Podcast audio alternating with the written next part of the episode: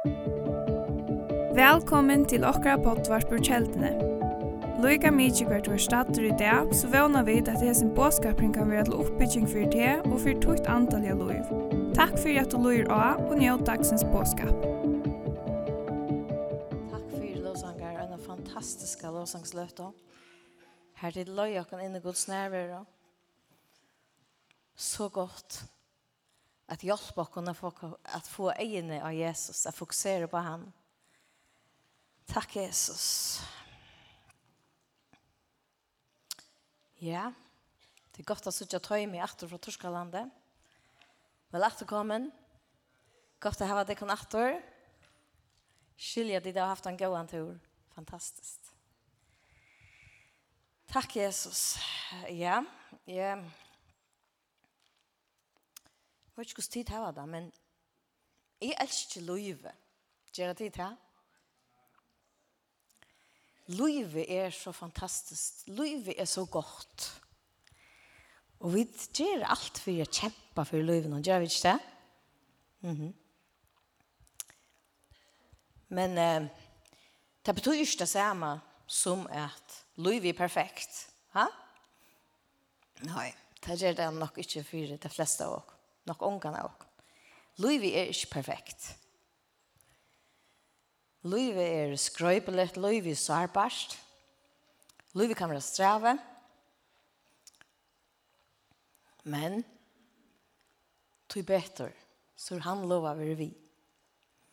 Alla det er alt til hver aller enda. Det er fantastisk å vite.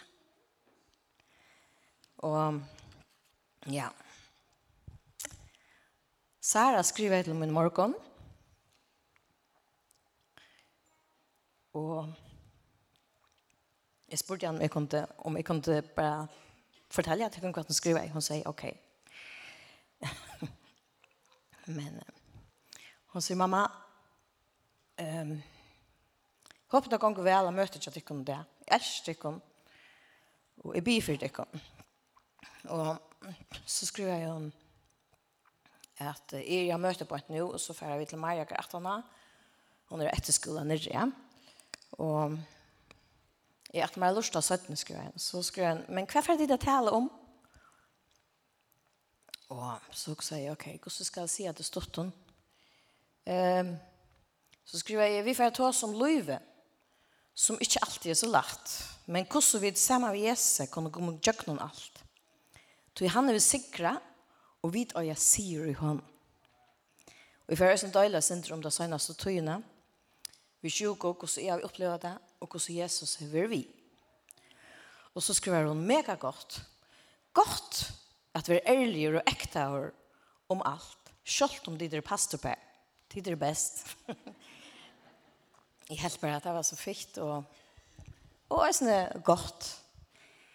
Eh, tog at Selv om vi er pastorpær, så er livet ikke perfekt. Og, og det gjør ikke og kvart om vi øsne døyla sarber. Så vi alle er sarber som mennesker. Men eh, det betyr ikke at vi skal fokusere på det. Men allikevel så kunne vi så, som mennesker identifisere oss som jeg vet. Og det kan øsne hjelpe oss til at eh, få fokus av god om at at trykken ber i djøkken alt. Ha? Og jeg har haft en sang i munnen hova i sørste delen her. Han har runka, så jeg atter fram at at jeg måtte lukke som takk han. Tja, Andrew Crouch. Andrew Crouch, han er en amerikansk, eller vær, en amerikansk gospelsangare. Han døg i 2015. Han skriver i 300 sanger, kjenta klassikere som Tableau, nekker som vi synger Tableau, som rann for te og med, ur Djupendale opp på Hakstadtind, og, og Jesus er svære, eller Jesus is the answer, og han, han skriver øyne nekker som gode klassiker. Um, da han skriver henne denne sjangen, og gjøkken noen alt, through it all, så blev han inspirerad av utfrågningar tog som jeg visste av til honom. Eh, han, eh, som smadrångår så var han årblinder och han struttes nek via stämma och hejda sträva vi tog. Och, och innanför två år som unkor så dög han såhär, mamma såhär, pappa han såhär och bodde han såhär. Så han upplevde öliga trubla tøyus no løve. Og hessen sangen Through It All beskriva over ut fra tui. Og ta bliver sangen sin sterskar ta og man kjenner søvn at han fyrir.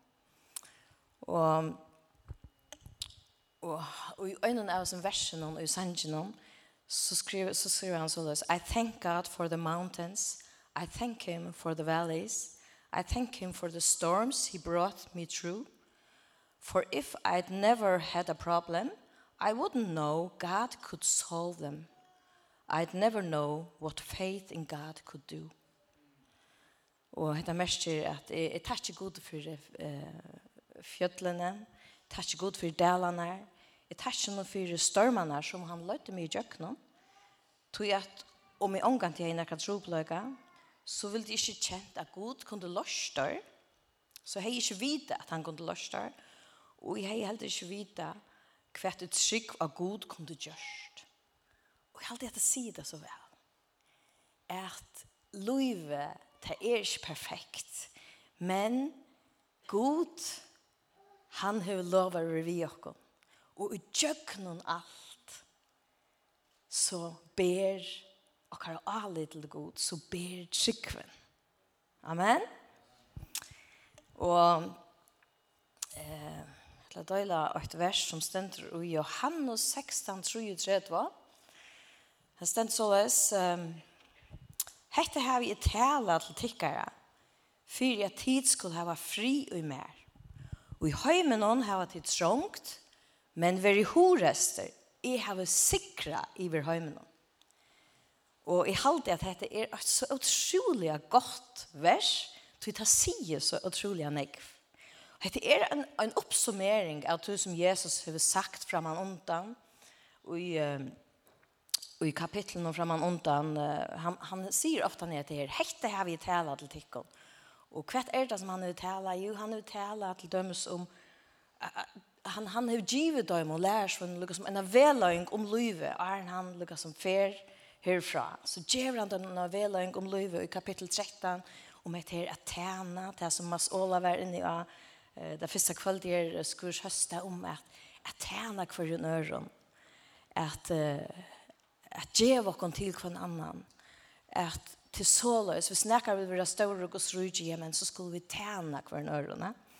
Og, og så tåser han øsne om et her at um, at elska god av alle nokkara hjärsta og alle nokkara sal og at og i kapitel 14 tåsar han om et her at, at at vi ikke skulle øktast. Ikke øktast for du som kommer. Til at han sier oss ni at vi skulle være forfyllt, og vi skulle, han lover ikke lykkes med at livet skulle være perfekt, men det skulle ikke øktast. Til at han gjør oss sunfri. Fri lät jeg etter, etter eh etter tikkon moin fri gevi tikkon Ikke som heimeren gjør, men moin fri gevi tikkon Øktast ikke, reist ikke. så vi da finje hans herre fri og stedet for økta, trygg i stedet for økta, som Mari var inne i av Gjørskveld, som lustet det så vel vi sånn båren som hun heier, Mari heier bår her oppe, og så det er utfraes ned versen om Usalma 23, to borra i fire mer, bort for egen da mine, eh, og to salvar høtt mot i olje, så heier opp bår her på en her som trygg, vøvn, kærløyge og frigjør skjøter rundt om båret, men eh, her iver det stå øsne økte og ive og vattnmantrykk. Og så spurningen hva er det som vi vil heva i okkara løyve? Hva er det som vi gjør rom i okkara løyve? Eh, lover vi økta noen inn i stedet for trunne. Og til, er, det er her som vi kan spille, som vi har en avgjørende løyglod, som vi kan bestemme hva vi løyver inn i okkara sinne, ja? og kvett vi gjør rom i akkurat livet. Og ja, det er det verset her at uh, at uh, han sier at jeg har hatt at jeg skulle ha fri og mer. Og i høymen han har tid trångt. Og vi vet at det at og i høymen han så er det ikke kjelig. Vi lever i noen perfekten og noen uh, noen sjuk og høyme. Og i det vi nekvon aurate og vi vi nekvar sjuk og vi nekvon krutje og hva var det og og det var nekk folk som er forfyllt og i det men samtidig så sier Jesus gledest og feknest og i ødlån hesen hvordan kan man det Jo, det er at det kommer innanfra. Det er spurningen hvert og vidt. Hvert og vidt får dere vi. Hvert og vidt løyve inn i akkurat lov Og hvert og vidt bytja okken opp i, ha? Og um, jeg halte at dette verset heter her sier det så godt at um, og i høymnen har det trångt, så sier han, men vi er horester men ikke minst av møte vi er horester jeg har vært sikre i høym og det sier alt han har vært sikre i høymnen og vit kunne få lot, vi kunne få parst og gi sånne her sikre noen som han er ved sikre. Um, tid av at lise, han kunne krappe og kan. Det er akkurat de fleste av åkne har gjørst. Og jeg vet ikke hvordan det er her, da du leser denne bøk om, uh, det er ikke ganske anbake hva for, hva for bøk det er, men hvis det er en ordentlig spennende bøk, så er det nøkker som har til tannvenan at det er ikke enda først. For jeg vet ikke hvordan bøkken ender. Er det nekker at det som gjør det? Ja. det klarer ikke Lukas med færre kjøkken bøkken at de, at de må trykke seg at det enda vel. Ha? Og jeg leser nemlig en bøk nå i februar måned som jeg tar seg, jeg sier vi på, og jeg gitt at hun får enda så, men hun enda er faktisk slett Så det är inte alltid det ändar så som, som vi talar men ja, men lykke mye. Men okkara liv, det er en söva. Så. Vi tar öll en söva som är inne her. Og okkara liv er akkurat som bukt upp i, i kapitler. Det er akkurat som en livsbok som vi skriver her som nekker kapitler er og ganske gauer, og nekre kapitler er strauner, ikke så? Og, og, og nekre kapitler inneholder større hendingar til dømes, tar vi er lio og mina, med la vi færa, la vi giftast, få bøten, få om og abba bøten, lio vi en utbyggving, og, og nytt starv, så dette er kapitlene i okkara liv, skjønner. Og så kunne det være øyne ganske ankre kapitler som handler om sorg, som handler om miss, som handler om sjuko, møtgångt. Og så løser akkurat liv akkurat som blanda saman vi begge til gåa og til kjelige. Og men som godsbøten, så er det så at vi kjenner endan av søvn till det som är så fantastiskt. Han, Jesus han fortäller oss ända. Gustaf för ända. Han säger att vi skulle möta trångt och motgång av imsan hatt. Han lovar inte för att vara perfekt. Men samstundes så säger han att han är säker i vår hemmen. Det vill säga vi känner ända. Han är säker i vår hemmen. Det kunde vara kapitlar av pojna, av hjärtasorg, tog att vi lever genom brotten och en flörtsaslig hemma. Men om vi blir till sista kapitlen så vil han lätta kon kjenne, så så hever han lärt jag kon känt ändan av sövne och det är fantastiskt att han att han har vunnit ödlom och att det som ger kon känt och nyårslien och färra kon som nive nakkan det kan få okon at vända fokus mot några øren til vi känner enda. Det kan få okara fokus eh, skift, tog jeg vi vite at han er vi. Og jeg halte at um, ta sier, ta sier nok snakk, og om etter verset, hvis vi leser det etter, hette her vi tala til tikkara, Fyra at de skulle ha fri og mer. Og i høymenon har det trångt, men veri horester, jeg har sikri i høymenon. Jeg vet ikke hvordan du har det her i det, hver en kapittel tog til er i akkurat nå. glömde jag skifta här.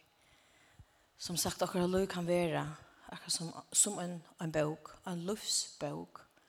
Och, och vi kan ha kapitler i akkurat lov som är strauner, som är og, som kan få oss nye nakken hvis vi ikke har rett fokus. og jeg vet ikke som kvart og, og, og, og året til det. Men i straunen togjen, og i straunen kapitlen i okkara løyve, så kan god fylla okkom vi synd og fri. Det er det som gjør alle mån. Og vi kunne minne okkom og endan av søvne medan vi drar ui i sånne kapitlene. Og det gjør okkom dyrve, det gjør okkom styrke, det gjør okkom en fri. Tog vi kjenner enda at han er sikra. Og hesen sier han bor i okkom som Jesus har vunnet. Paul för att ta som mer om tansiren. Men, men det är fantastiskt att vita. Bill Graham, han säger till att I read the last page of the Bible. It's going to turn out all right. Det är sera fallt. Jag har läst det sista syna i Bibeln. Det är för att ända väl. Amen. To hever ena søvå, og jeg har ena søvå. Og kapitlen som jeg har vært i på nå, har vært en syndestrav. Eh, som de fleste av dere kan vite, så ble vi innlagt i, i januar måned. Eh, og, og til tog at, at jeg har haft nye sett av funktion. Lykke så gjerne er her. Tjej jo er. Men det sørste er det har lungafunksjonen li om 40 prosent. Og det er just det at jeg har haft nekvar infeksjoner, så er det djøkkensnytt cirka tidje og en penslinkor om mannen, det sørste er det. Og, og ta, og, ta jeg blir sjuk, så, så gongt ofte han til lungene, og, og, og kan bli trång, og hvis det blir ordentlig ringt. Og det ble det faktisk i januar, det ble ordentlig ringt. Her som jeg faktisk fikk andre nei. Og eh ta enda så vi tog att vi måste ringa till uh, ringa till sjukbilen och ta vart det sig att min uh, min ilting var helt nya 93 det som har skilt för tog och och och måste blodtrust det var högt alltså. Og jeg husker ikke at det var så allvarligt men ja, kanskje tog jeg til sin friren bare, jeg vet ikke, at jeg føler ikke som sin friren, han fyller meg rann, at jeg blir ikke, at jeg blir ikke så desperat og, og sånt, men, men det er oppi heilig å få andre nei, ta, ta råkner vi at, uh, jeg vet ikke om de har prøvd den, men, men, Vi tackar ofta han ofta han ja. Vi tackar ofta han i andra drotten för giv. Sjå. Huxa till om till en andra drott. Mm? Nå, ja. Vi huxa sig ikke søs om andra drotten. Men han er faktisk rettelig viktig ur andra drotten jok. Faktisk øyla grunnleggjant for livet som vi andre. Så hvis vi ikke først andre, men så dørst det. Så det er faktisk nok, nok så alvorlig, vi ikke kunne nevne. Og det ble jo kanskje ikke så alvorlig for meg, for en atana, gos i alvorlig det var, tog jeg hvis man ikke får anda, så får lakna ikke gjørs nek. Og man sjå, det tar finger gjørs det, det kunne gjøre meg ventilini, og det kunne gjøre meg øsne medisin som gjør det, at, at, at støvann stabiliserer seg. Men det er øyelig og behagelig at jeg føler dette her at du ikke forstand det. Eh, og det var ikke så at, at det som lakten sier til at, at, at jeg har et lunga tilfelle, akkurat som du har et hjerte tilfelle, så kan det være et lunga tilfelle. At, og, og det kan det kan lenge tog i øyne, lukka som jeg kommer för seg bei fysisk og psykisk og alt. Og, og det er faktisk tog det til meg, ikke for en at jeg følte, åh, at jeg ble sarbar. At livet er sarbarst. Og, men, nu får jeg ikke snacka så rene kom etter, men, men bare lykke fortelle at det kom bare nøkker ting som jeg opplevde med en eh, værersåre, så, eh, så var jeg akkurat byrje at lese jobb. Og jeg var i jøkken, hette den her, hessa bibel leser i et eller annet som flöja til kunne jeg som bruka. Och det var faktiskt nästan nästan liv i alla biblarna. Och jobb faktiskt var det sörsta. Och just nu.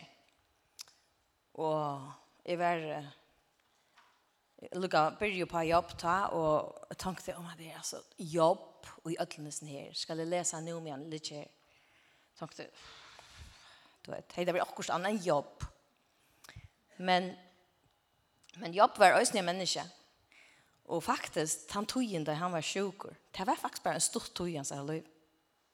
Som vi høyre mest om. Eller som vi høyre mest om i, i søvn om jobba. Og, og jobb, han får i jøkkenen største sætjer. Mister Miste bacon og bøten og ble sjukker, alle som har var. De kjenner søvnene. Og allikevel så fornokte han omgang til godt men säger att løsner min liv. Och han gjør det god och tror ju på att han får av järkonen. Att la meg in jöknen. Det är fantastiskt. Men det som ble upp var fantastiskt för mig det är en bön som en takkarbøn som jobb sier til god og jöknen eh hesa trúina som han fer i jöknen. Det är testenter i jobb tutjo vers 12. Jag ångar inte säga detta verset før. Men dette ble så dette ble så rema år, dette ble så et år som lytte meg opp, som akkurat som som jeg kunne klinka meg til, som jeg følte var så et år fra god til mun. Og det er ständer liv og nøye, stendt her, Ups. Liv og nøye vakte to mer og omsorgen to en vær i andre drott mun. Kan det være mer konkret? Det er faktisk bare en 5-6 år i Bibelen som har etter år i andre andadrott. Og det var så hørt. Takk Gud. Løyv og nøye varte du meg, og omsorgen til en vær varte i andadrott min. Så løs opplevde jeg det. At han sa løyv og nøye vær varte meg. Og gav meg løyv. Tog er jeg så takk som for løyv. At han er vær varte min andadrott og at jeg stadigvæk kan stande her, være frusk, jeg føler meg fruskan, selv om jeg har 40% lunga funksjon, så, så føler jeg meg fruskan da jeg stande her, og kan takka god for hver det. Kan prøyse noen fyrir at han er min lakne, han er min sier, han er min styrke, og gjøknen alt. Og tjøknen alt har vi lært at lyde av hans er år, Tjøkken alt har vi lært at lyde av han som er klekter. Amen. Og, og det er fantastisk øyne at mestja og en er slukkar at man er sysken og en er samkommet som tilkom. Og ikke bare takka deg for i alt de år og halsene som jeg har finnet. Det rører hjertet. Det er så fantastisk til videre bare ikke jo råkker til videre at det som jeg prøver för ikke helsene.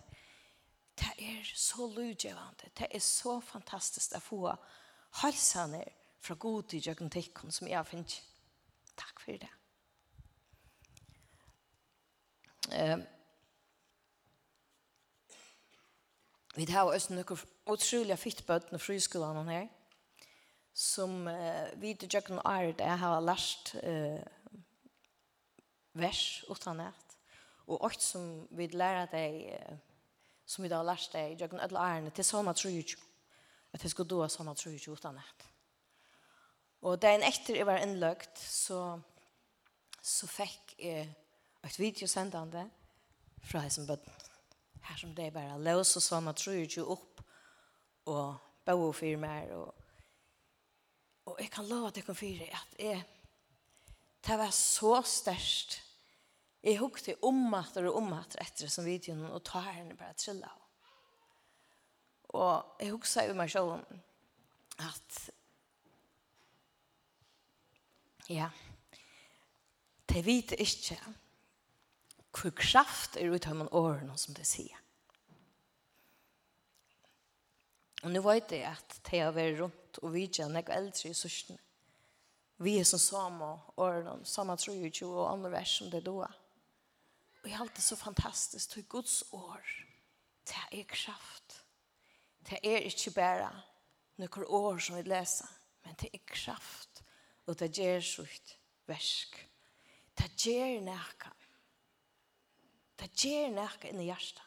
Som før forboi det som vi kunne bare sige eller At Det hever en sånn ivet naturlig kraft. Det er så fantastisk. Og Um, så lät jag inte undermäta det här. Att lära oss att böna Guds ord Och att, och att lära oss själva Guds ord. Så låt oss att ta vid er vojk. Så kunde vi citera Guds ord Och styrka oss. Och jag är nära människa. Det är fantastiskt. Det är en sån dörgriper. Det er ständigt nämligen i Hebrea tal som vi alla känner att Guds år är livant og hever kraft, i kvassar i nekka tuja svør.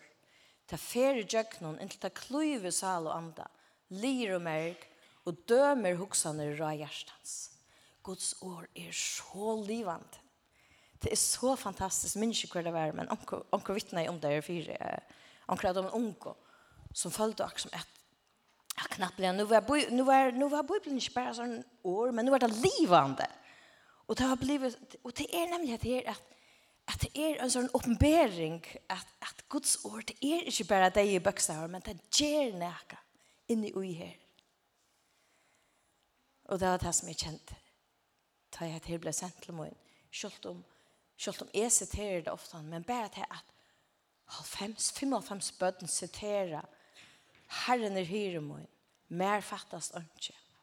Og hvis du skal genge del det jeg skal ganske øktest i ønske ilt, du stavar til en kjepper den og, og gammel Du borrar i fyrir mer, bant fyrir egen fudgjenda moina.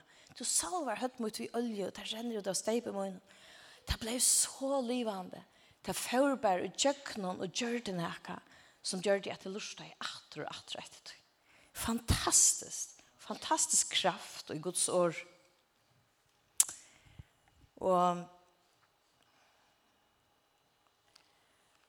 Og medan jeg var av sjukhusen, så opplevde jeg også at uh, slippa bia for folk.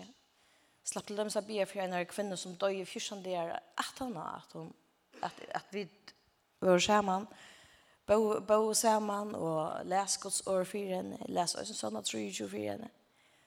Og det er fantastisk. Og så nå da vi var nere i Danmark, jeg slipper at bia for folk som struer, så viser dem man av at Guds år kan styrke til og gjøkna alt. Og tryggva at han er større, at han er sterskare. Og nå var det ikke ordentlig, uh, altså, hva skal jeg si? Det er ikke såleis at jeg ikke tryggva at Gud for å grøve meg. Det er tryggva i alle togene. At Gud, han grøyer, og at han er større, at i er grøtt i hans rasaron, han var skjærdur mine syndavegna, sunderbrotten mine miskjærevegna, straffen var verlegde han, og i saren hans er i grøtt. Jeg, jeg, jeg bruker alle disse lyftene daglig i mitt liv, og det trykker vi på. Og vi sutja det atra og atra mennesker ble grøtt, det er fantastisk. Og, og, og det skal vi tryggva så lønge som vi er her på. At han grøyer og at han opprettar. Og ehm Jeg vet ikke om, jo, jeg halte det var villig som tog seg om etter det her med førjen. Han tog seg om det trutjer i Elsa om noen, her som han sier, at, at kjølt om god ikke bjerger meg. Kjølt om han ikke bjerger meg og Elsa noen, så trygg vi er lykke va. Så sier det også min lyve. Jeg kjølt om jeg ikke blir grøtt, men jeg trygg vi blir grøtt, så trykker vi likevel av god grøyr. Amen? Ja. Det sier pappa Øysen i Arne han døye. Vi mamma at selv om jeg ikke blir grøtter, så skulle de trykke allikevel på grøying. Til han er akkurat lakne. Selv om mitt liv er noen ofullkomne høyme, og noen brått noen høyme, så kan god grøye her og nå. Men det er ikke alltid at vi opplever det her og nå. Men, og gjøk noen alt har vi lært at trykva av Guds år, trykva av hans herre lyfter, at lyda av han. Amen. Og det er en fantastisk, en fantastisk styrke at hava vi i lyven. At du gjøkner alt. Hvor god lov er vi. Og vi øya sier og i hånden. Og, og jeg halte igjen denne mynden, fotosporene, er så utrolig sterk. Och jeg husker jeg, då nu är det en maver som drømte, och och att han gikk fram vid sjörmannen sammen med Jesse och da han sa och ta sa han fyrer seg løter ur sin egna löve och lite mäskes att han sa lufslöj så vart det tvinne fødderspår, skjønnelig samt samtidigt. Han sa egna och fotaspåren til Jesse. Eh ta i sina sa lustmynden var färd at rom hukte han attra fotaspåren samtidigt og sa att det flöjer stövon var öjnans öjnespår. Og var bare over vi at dette var da han ei haft det ringast. Syrkjen, så sier han Jesus. ta i valgte jeg fyllt her etter, gavs to mer lyfte om at være vimmer alle det er. Men jeg så ikke at hun er noen tingst og løten i øynens øynefødaspår. Jeg fært ikke hvor du lærte meg gjenga ønsomadlen, just da jeg tørva i det mest. Ta svære Jesus og noen, mot kære bad, jeg elsker det, og jeg vil de aldri, aldri lette det gynge ønsamadla. Tar det gjerne, du har haft det ringt. Her du bæra såst øynespår, ta bæra til. Såles er Jesus. Amen. Og så hugsa jeg om disse her myndene av, av at Jesus, han ber okkon. Og, og jeg fann etter verset og om ta i det ganger jøkken øyemørkene, Israels folk. Eh så stendet det i 15 Mosebok 8 eh för vers 3 till 31. Här en god tyckare som undan tikkon gongor, han ska bergas för tikkon så som tid så att han gjorde för tikkon i Egyptaland.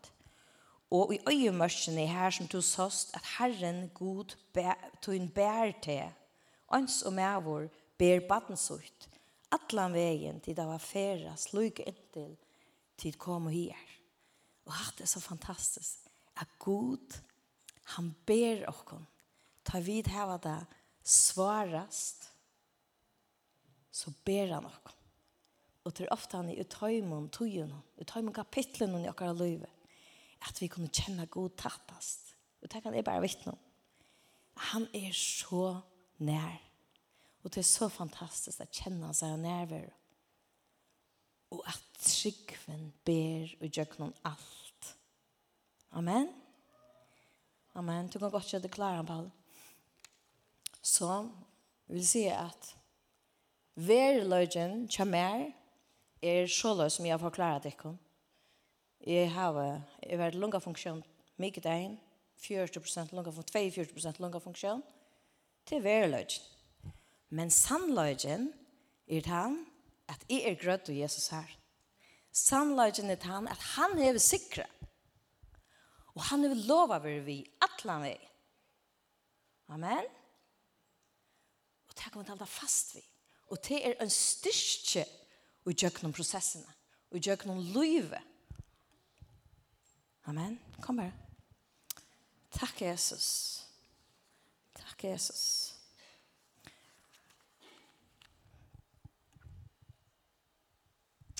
Amen. Jeg har selv hova kommet etter nå.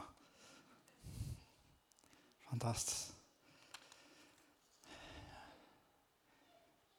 Det er tøyene da jeg så ble innlagt. lykke å si at jeg, jeg får være stått. Det var en tøy som jeg ville høre øsene for meg. Og jeg husker jo med at det er nek som opplever sjuk og Merkene har det ringt til et baden. Det som er tatt på her, det har ringt øsene. Tror jeg at man føler på innene.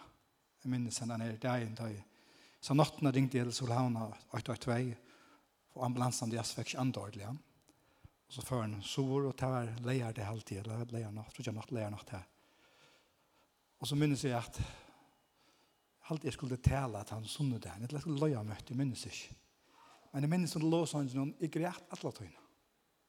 Men det er veldig godt. Jeg var i hos nærveren, samkomne, og bare uttrykkes, og i lås han. Det gjør det meg så utrolig godt, selv om det var så rævlig hardt. Så hun sa jeg, kan jeg være opp, klarer jeg? Det var så bråten. Det var hardt. Men jeg om alt. Det gjør noe vi har kommet, det gjør øsene, at vi føler vi ånder, som får gjøkken. Og tog fer ferd at gjøkken noen ting så eller så. Du kan oppleve at hesten er ikke noe strøyes i slett sikkert Men når ørene økken, så strøyes to, her er ikke strøyes. Og så kommer vi være for hver annan. At han min imensk økken, her jeg kan være sterske for det, da du strøyes for det økken, og du kan være sterske for meg, da jeg berges vi hette økken. Og så løs er likan. Så løs er samkommeliv. Og det er så fantastisk at vi sammen kunne være et likam som røkker ut til hver annan. Det er ikke, som løyer så er vi ikke supermenn. Vi er mennesker akkurat som øyne kvar limer, som øyne berges til døyer. Men vi er lærer han. Vi halde dere nær ham. Og vi vet og som Jasse vil jo, at han er okkara sier. Han er okkara djøknobrott. Og la meg til sørst bare teka til som er mynter av, og vi tror vi det som Jasse døysene, hever tås om, så har vi en mynt her, Jeg var en rennare som har vunnet rettlende godmester. Han var Isian Bolt, han het. Han har vunnet øyne nekvar kappengar i renna, olympiadene, god høyersmerk, rettlende nekv. Og, og så er spurningen, at vinna en syr, hva ligger atna for det? Eller kunne vi vinna en syr? Hva er det vi er en evig sikre? Kunne vi det? Og så er det i ødelen kappingen, så kan en personer, eller en bølger, vinna sier, fyrir te år. vinne godle. Om hesen skal få godle attur, år i ettur, så må han attur vinna hetta godle. Og gjøre lykkende en innsats. Og en sår med her, han fær øle ofta syren vi svarta og strøy. Og ta vidt alt som er utrettet folk. Skulle det vinna nekka, så ligger en barde i 18-4. Og skal det vinna det ari etter, så ligger framaltan ja barde i. Og ari etter, ja så kanskje enda møyr. Så er det øyne fyr i søvende, så var han andalig barde i. Og at det var en stor kamp, kunne vi si, Østrui. Og det var en barde i om menneskje, lagnene av menneskene.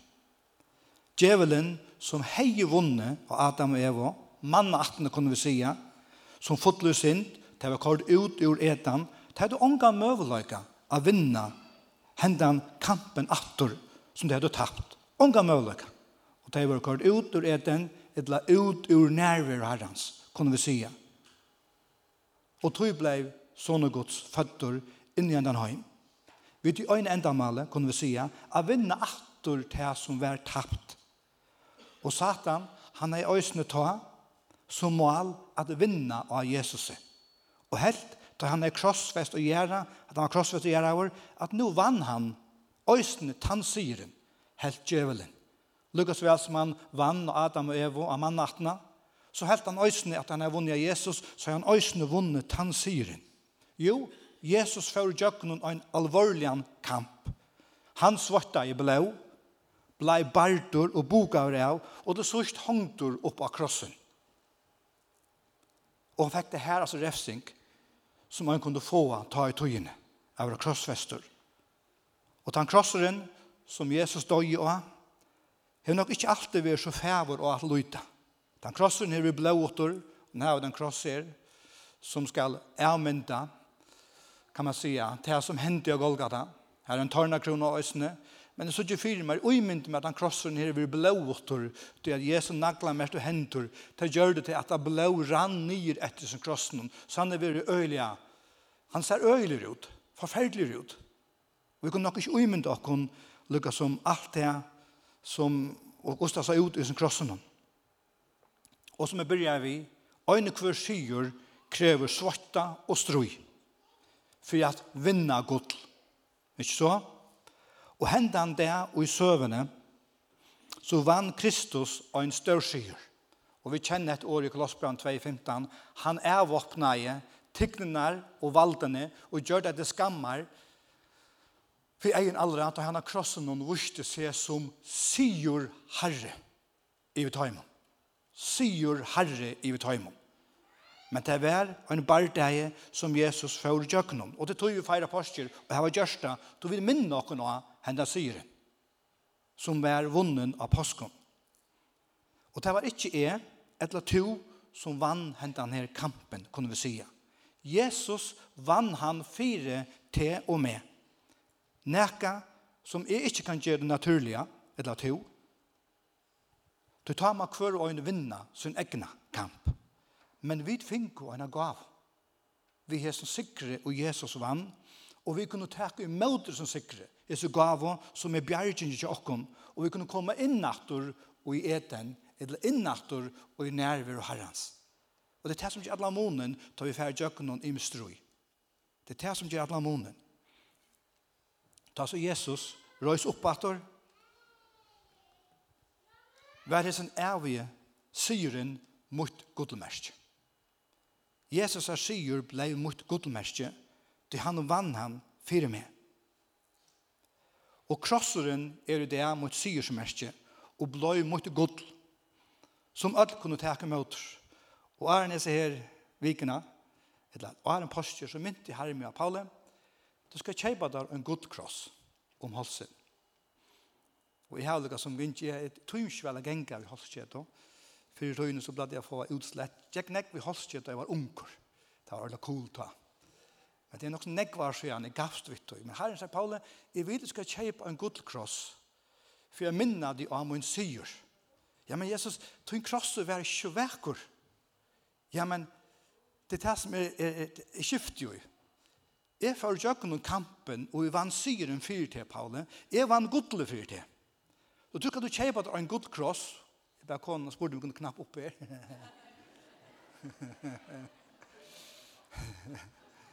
her til ikke og er mynter å genga ved sånne her gullkrosset, for jeg minner meg også, sier hun Jesus vann, at jeg har funnet et gull for åndsje, då han vann bardejan fyre med som var blååter. Og jeg får til Oroptek, og vi kunne jo, han fikk vøkker jenta, han hjelpte meg vis ned som seler kross. Takk for det, Elina.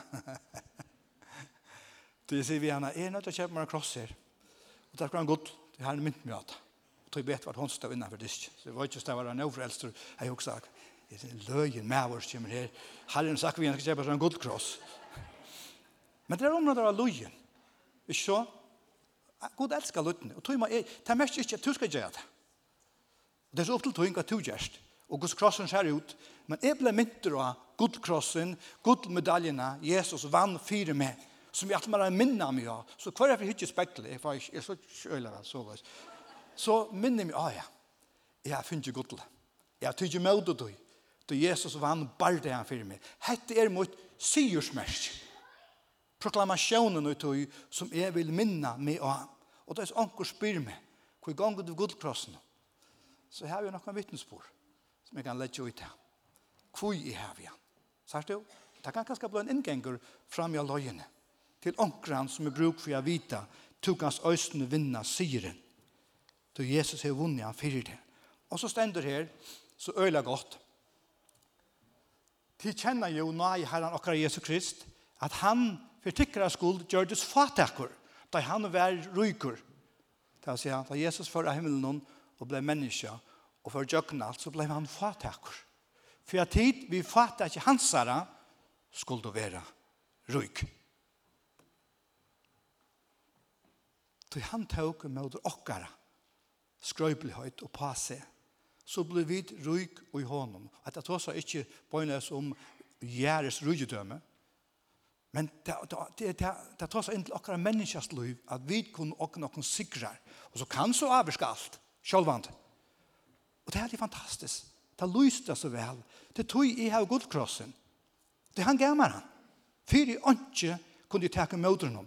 Men la meg så høyt å si, här är en soja av krossen honom. viser visar av Lukas 14 att krossen er ösen tuttningen at ta opp krossen og fylte hånden. Det er mest så at du kan oppleve lojning, motstøve, sjuk og strøy. Det kan øyne mærke at fylte Kristus til du møter du her av løgjene. Men du kan møte du ved utgangsstøye og i Kristus er sikre, som gjør alle måneden og som jastet til å ta oss vel om, at selv om vi møter dette her, vi, vi tog i grat og strujas, så er det utgangsstøy okkon at han har vunnet syren for meg, og det gjør at jeg ikke pjøser fra nive nakkan om, selv om fudgjenden, sjuk og plava, prøver å få meg nyer, et eller motstøv et eller annet spottar okkon. Jeg kan vi ha utgangsstøy ut fra han har vunnet syren for meg, og det gjør atlan månen at vi kunne møte, tog som vi nå er for å møte, og i okkara daglige. Og da kommer vi til å gjøre imens ting. Og så leser vi, og det er det sørste bibelverset her. Han hever sikra, til året krossens er vårt tøymen dorskaper som fortepas, men okko som frelste vera, er det kraft gods. Sart og krossen lyser og tåsar om, for okkon som frelste vera, er krosseren kraft gods kvann det. Inne støver her du strøyes, så er krosseren kraftgods, og tog vil alt i krosses evangeliet i kjeldene være litt høyt. Det er det sier som er sjokkere. Vi kommer omgående i a gøyma bostor båskapen om krossen. Vi kommer alltid hevda han opp, blåe, som er okkara, vernd og verja og utfria. Vi kommer alltid gjøre det i kjeldene. Det er båskapen som fører oss innatter her vi er nær Kristus. Jeg vil ikke rekas borster av loj til krosseren er et fokus til kraft Guds. Og vørsk også, Amen, Paule, hvordan kunne mennesker skilja krossen? Det er ikke at det skilja, men det er hele anden som gjør verset. Og i tog har vi tås om det. At mennesker kunne fæta, han gjør det, krossen minus til pluss. Amen. Han gjør det minus til pluss. Og det gjør okken syren. Og selv vi møter framhaldande nekka avgange, møgange, som vi trykker vi kommer gjøre nu og ta, så vil stadigvæk okkara syr vera og i hånden, og tøygengi er vi godlunnen. Hva er fyrir i at det kommer aktor så får jeg sikkert haldu i snir øyelig ofta. I har medaljen her. Jesus er gymann, og han heldur. Anna kvørst, sier året, Paulus sier, Anna kvørst, vid liva, etla dodja, så høyra vi herra noen til. Det er framhaldande kraftfullt. Ikke så? Da flytter jeg bare hjem i herlighetene, som er enda bedre, selv om vi elsker liv. Bær er jeg som vi elsker liv. Det krysser vi også. Det gjør, men vi tar liv, at livet liv er så meningsfullt, tar man i Jesus vi. Det er fantastisk her. Selv om det må stå. Det handler vi. La meg enda, vi har en sanje, jeg skal begynne en sanje, enda vi en sanje. Vi er ikke lukket som bøn, vi er bie, hver seg her, så bie sammen. Og en sanger som er damer øyla vel, som vi spiller rettelig ofta, er en sanger til Dante, jeg vet ikke om vi taler rett, Baus eller Bau, og han øyder nail, nail scarred hands. Det vil si, Jesu nagla mest og henter. Og disse sangen er så utrolig vel løsning av øysene krossen. Han sier så løs, My past became my prison. Mun forstøy blei mot fangsol. Love was waiting with a key, with a key. Eller kærløykans lykjel boja etter mer. Vi når David er enda i myskren, så boja kærløyken etter okkom. My story was a failure. Mun søva var öll mine mistøk. Now my story is redeemed. Men nu er mun søva endurøst. Kui? Jo, my freedom is written in your nail scars hands. Mot frals i skriva og i nakla nagla mest og håndom. Mot frals i skriva her. Where there was sin and shame, the cross now stands. Her der var synd og skom, her stender krosseren. Her som der var synd og skom, stender krosseren og tøyt sted. Amen. Skulden og skommen er ikke det som sier hver i er i morgen. Det er fantastisk. Skulden og skommen som er mot, kan man si, som var fyrr, er ikke det som sier hvor i er det møyre. Tog mot fralse i skriva, og jeg tog noen nagla mest og hånden. Tog blå har jeg kjøpt med leisan, tog noen svara og gjørs med høyland, nå er hver dag vår ljøsare, tog kærløyge er et ondur, eller mot ondur, og tog er det livet. Sannelig er i fralsor, og i livet, tog du bjerga i meg. Så er det jo, Hver jeg fer vid minne okken av krossen, så kan vi huksa, her som synd og skam vær fyrir meg og munne løyve, her stender nu krosseren, som jeg må sier smert. Og det er brøyder ugengstøy. Amen. Og tog fer vid nu til endan, simpelen at heva brevbrøding saman. Er det nekka som djevelen heter, hva skal det er, så er det myntur av, og tog vi brevbrøding, og jeg kalla en minnesmåltøy, Han heter av vera myntur og krossen av blåe, at Jesus døyer oss oppater, du tar vera myntur og sutt størt hepp, som han helt han er vunnet. Breibrødingen er en proklamasjon her vi minna okkar møstum angevelen og hans større størtap som er nu mun syrsmerkje. Og det som vi kunne bruke dette til, til øsne, å proklamere og Jesu gjer, Jesu handling, sier i det økker akkurat løyve som vi strøyes vi. Så vi har ting som vi kunne strøyes vi, det er bruk av fudgenden for jeg køver oss, men vi kunne minne han også, og minne oss selv vi, ja, men hessen sier han, kan jeg proklamere inn mot løyve det. Og tog er det ofte så 24 mer, og vi bare uttrykk kunne takke med du, at og Jesu gjer kan stå møte takke helsebøt, du kan takke med du grøying, at du lika, og du sval, ja, du kanskje østene takke med møter enda nudjan av hette at Jesus to erst nummer 8 munn og løyve. Og skal du gjøre det nå, Arne bjør fram til jeg ser brevbødene, kanskje låsen kan lade musikeren komme bare opp, at du bare lykker spyr deg sjølven. Hver er min støva? Halt jeg fast og jeg som sier smerske, eller har jeg slept deg? Har jeg, eller er rigen borte fra deg? Kanskje er du blir lunchen, eller kanskje er du blir sløver. Du kanst hese løto. Og jeg ser nerver, og innenfor god og sier, Herre, jeg fer i atter etter sikkernom, du hever ikke meg. Jeg tar ikke møter noen atter. Du er mye syr som er ikke. Krosser inn, her du gav ditt liv, Golgata, blåe, er mot syr det, øyne er mot liv. Takk møter du nå her du sitter. Så løs du, når han løftet deg bjør fram, så kan du komme inn her og takke møter.